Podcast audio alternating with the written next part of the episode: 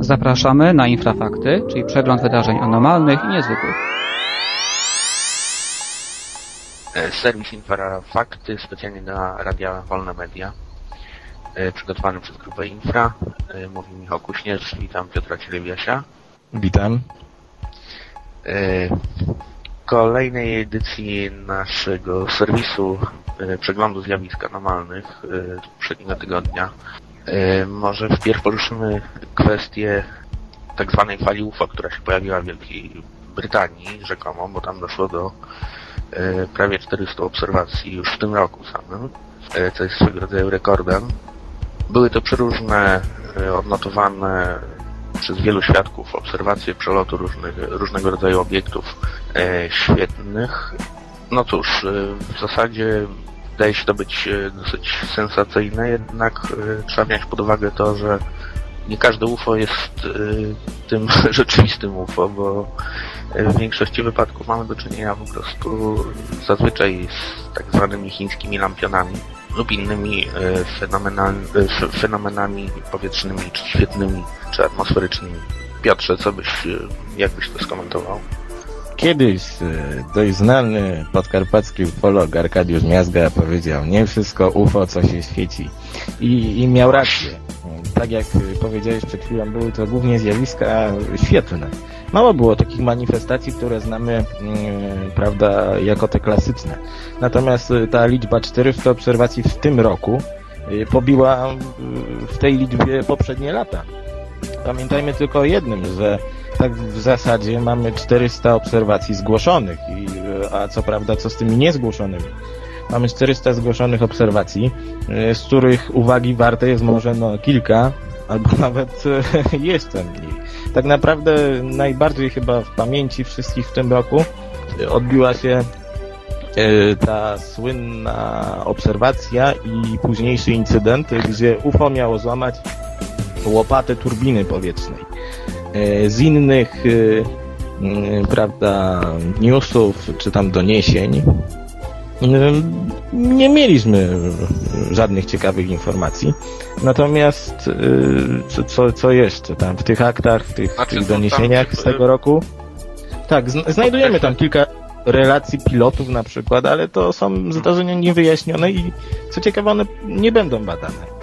To są po prostu Ale właśnie mówi się o brytyjscy ufolodzy jakby podkreślają to, że ma to też związek z tym, że y, jak żeśmy też o tym mówili i pisali, y, brytyjskie władze w ostatnim czasie y, ujawniają jakby kolejne porcje akt, prawda, związanych z UFO.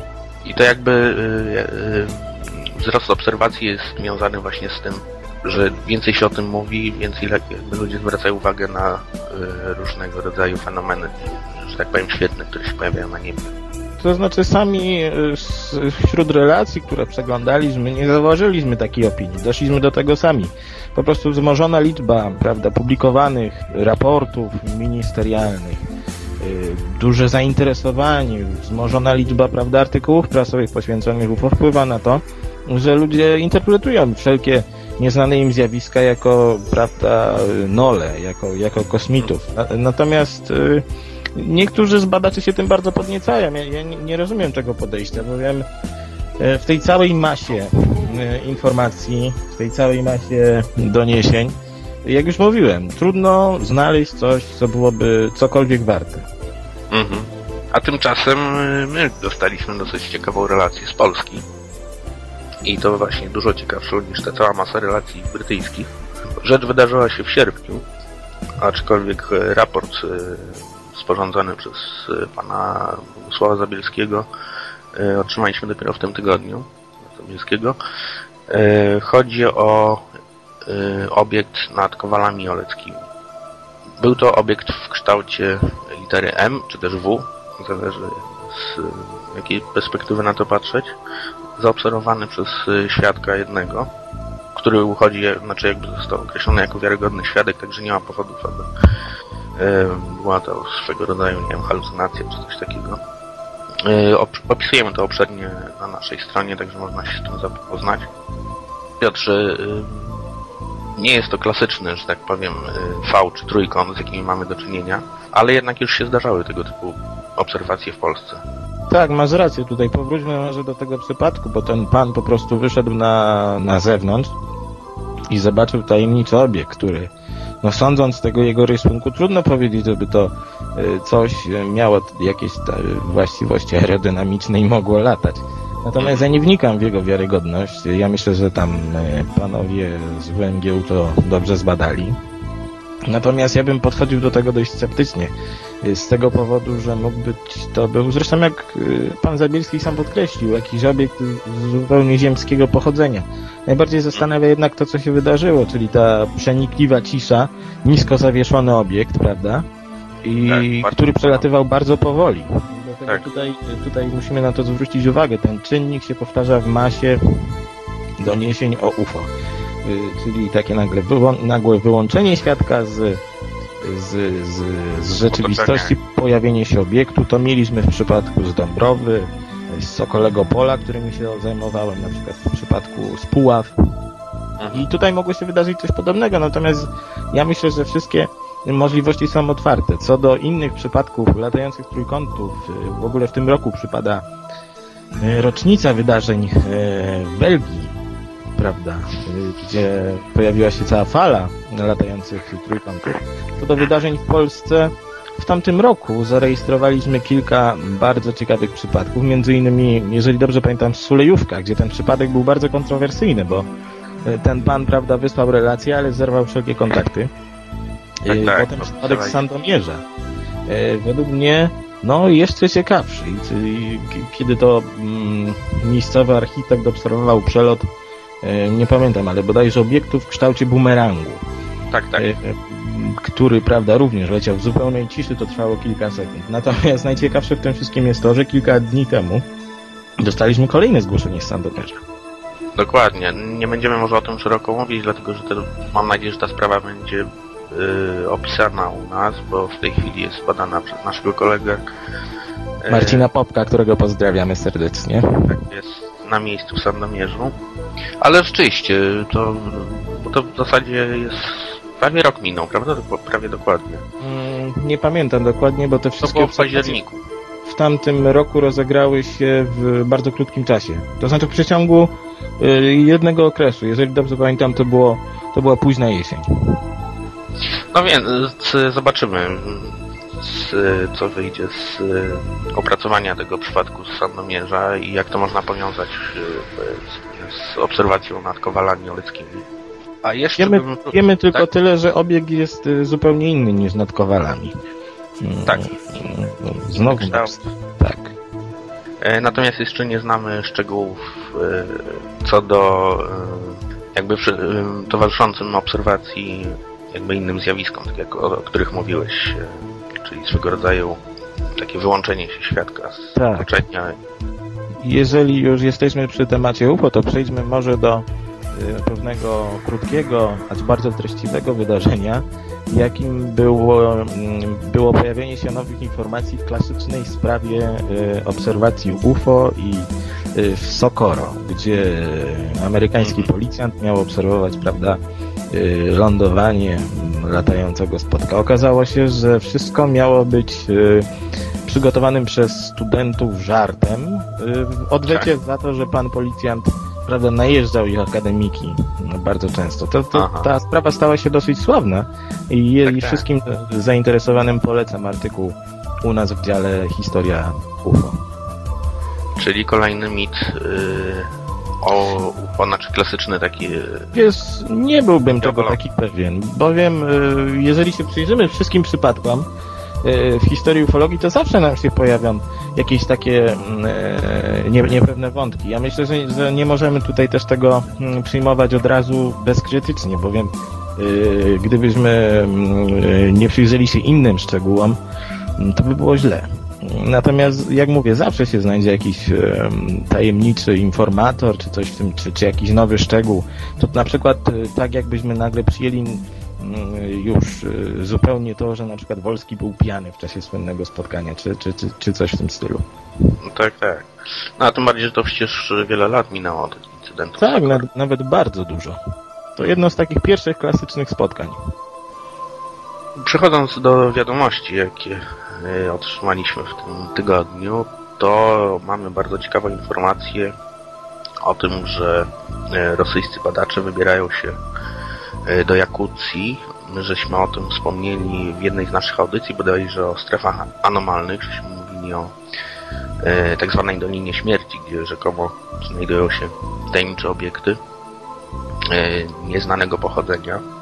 I teraz właśnie rosyjscy badacze chcą e, odnaleźć te obiekty i je zbadać. Y, Tak, jak mówiłeś, mm, stre, strefa anomalna zwana Doliną Śmierci z pewnością istnieje, bowiem to jest fakt, natomiast nie wiemy na, na, na ile faktem jest, są występujące tam tajemnicze budowle czy struktury przypisywane jakiejś pozaziemskiej, czy może raczej nieziemskiej cywilizacji. Y, Musimy pamiętać, jak powiedzieliśmy w, w poprzednim, w, w jednej z poprzednich audycji, że y, wiele z y, tego, co otacza sprawę Doliny Śmierci jest właściwie może być wymysłem jednego człowieka, Walerego Uwarowa. Nie wiemy, na ile ten pan miał dobre zamiary w zbieraniu tych informacji, na ile tym wszystkim manipulował, a Walery Uwarow nie jest wiarygodnym człowiekiem. O tym musimy pamiętać. Mamy jeszcze doniesienia o innej ekspedycji, bo o tym żeśmy mówili bodajże dwa tygodnie temu. Yy, Chodzi o ekspedycję do Indonezji w poszukiwaniu tak zwanego orang pendeka. I dzisiaj yy, się dowiedzieliśmy, że ekspedycja wróciła. Mamy doniesienie, że orang pendek był widziany. Tak. To dość sensacyjne doniesienie, natomiast musimy pamiętać, że podobnych ekspedycji było znacznie więcej. I tak Może naprawdę... przepraszam, przy, przypomnijmy yy, czym jest ten, czy ki- kim jest ten orang pendek. No właśnie, bo to, to wiesz, to możemy też y, zahaczyć o kontrowersję, jak go nazywać. Czy to jest już ktoś jako, prawda, reliktowy hominid, czy to jest coś, czyli małpa. Y, z tego co wiadomo, to orang pendek jest prawdopodobnie małpą, bo przypomina bardzo orangutana, a Dobra. musimy pamiętać, że y, kontrowersje, czy też wyobra- twory wyobraźni, prawda, legendy ota- otaczające istnienie mitycznych y, dzikich ludzi miały często swe korzenie, prawda, w spotkaniach z małpami, które zwykle tego kontaktu z człowiekiem unikają. Dlatego y, trudno to, trudno, prawda, to skomentować. Nat- Natomiast sama kwestia y, reliktowych hominidów jest dość, do, dość ciekawa. Najciekawiej chyba wygląda mm, ta sytuacja w byłym ZSRR. Bo wiemy, w, Ameryce Bigfoot, Sasquatch i tak dalej, y, w kraju, który lubi pierdoły, nie wiadomo jak odróżnić y, prawdę od, od, od wymysłów, prawda? Y, jakichś fantastów. Natomiast y, było parę osób również w USA, które się tym zajmowały, na przykład Gruber Kranz czy, czy inno. On był naukowcem, on nie był kryptozoologiem, bo musimy pamiętać, że kryptozoolodzy często są po prostu dezinformatorami. Oni sami napędzają e, wiarę w jakieś e, prawda, mityczne istoty. A z radzieckich to- badaczy mm, najsłynniejsza bodajże była Maja Bykowa. Ale to właśnie jest interesujące, Piotrze, że mamy takich doniesień o tych y, hominidach jest bardzo dużo z całego świata. Y, różnie one są określane, natomiast y, te relacje są powtarzalne i to w, właśnie tak jak mówiłem, w różnych zakątkach kuli ziemskiej. Tak, to są zwykle bardzo podobne relacje, ale one nigdy nie są takie same. Te istoty się różnią nie tylko kolorem, ale też zachowaniem, prawda? Yy, czy rozmiarem prze, przede wszystkim. Dlatego ja myślę, że coś w tym jest. Jeżeli nie jest to yy, prawda, przechowywana w, w, tak zwanej zbiorowej pamięci, przechowywane tam wspomnienia o spotkaniach z takimi hominidami w przeszłości, prawda, tak to rzeczywiście te istoty mogą się gdzieś kryć, no jednak zoolodzy nie dopuszczają tego do, do, do, do wiadomości. Twierdzą, że to niemożliwe, żeby takie duże istoty y, po prostu ukrywały się przed człowiekiem tak długo. Mhm. Y, No ale wszystko jest możliwe, bo y, nie tak dawno, znaczy parę dni temu też była wiadomość o tym, że y, biolodzy i zoolodzy odkryli kilkadziesiąt nowych gatunków roślin i zwierząt w Dolinie Mekongu, więc No tak, ale musimy pamiętać o jednej rzeczy, że ten Sasquatch, czy ten Yeti, czy Jeren, czy jak się je tam nazywa, one często egzystują e, tuż pod ludzkim nosem. Dlatego ta sprawa jest najbardziej kontrowersyjna, bo one, nie, one oczywiście zamieszkują też jakieś tam odludne obszary, ale one w niektórych przypadkach y, no, mieszkają bardzo blisko ludzkich siedzib, gdzie, gdzie powinny być prawda znalezione. Także to jest ta najbardziej kontrowersyjna kwestia. I na zakończenie jeszcze wniosłem zagadkę y, Yetiego w Tatrach, o której żeśmy mówili poprzednio. Y, Sprawa się wyjaśniła już ostatecznie. Y, Prawdopodobnie po prostu chodzi o akcję reklamową jednej z firm produkujących samochody. Także, znaczy, oczywiście my od początku żeśmy mówili o tym, że tutaj nie ma mowy o tym, aby w naszych Tatrach się pojawił nagle reliktowy hominid. Y, I w ogóle to wszystko wyglądało dosyć zabawnie.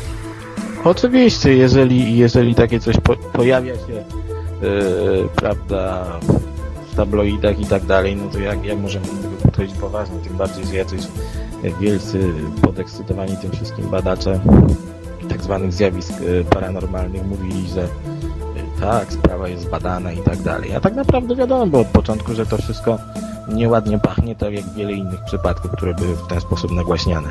No powiedzmy na przykład, że słynna sprawa z Danów również się zaczęła od, od tabloidu, a potem no, umarła śmiercią naturalną. Także co, takie doniesienia nie są, prawda, jakim, jakimś przełomem. Co innego, gdyby, mm, gdyby sfotografowała to, prawda, prywatna osoba, nie, roszcząca sobie do tego, z tego żadnych zysków i tak dalej, ale jeżeli, jak mówię, każde doniesienie z tabloidu, wiadomo jak musi być traktowane. Nie żyjemy przecież w Ameryce. No, zachowaliśmy jeszcze zdolność rozróżnienia rzeczywistości od, od y, fałszu. Dokładnie i tym samym na zakończenie już Państwu e, życzę, aby, że tak powiem, napotkaniu na jakieś e, niezwykłe doniesienie też zachować zdrowy rozsądek i trzeźwe spojrzenie na to. Także dziękuję Ci Piotrze. Ja również. Zapraszam Państwa za tydzień na kolejny przegląd zjawisk anormalnych i niezwykłych w wydaniu naszego serwisu e, Infra. Wysłuchaliście programu Michała Kośnierza i Piotra Cielebiasia, realizacja grupa Infra.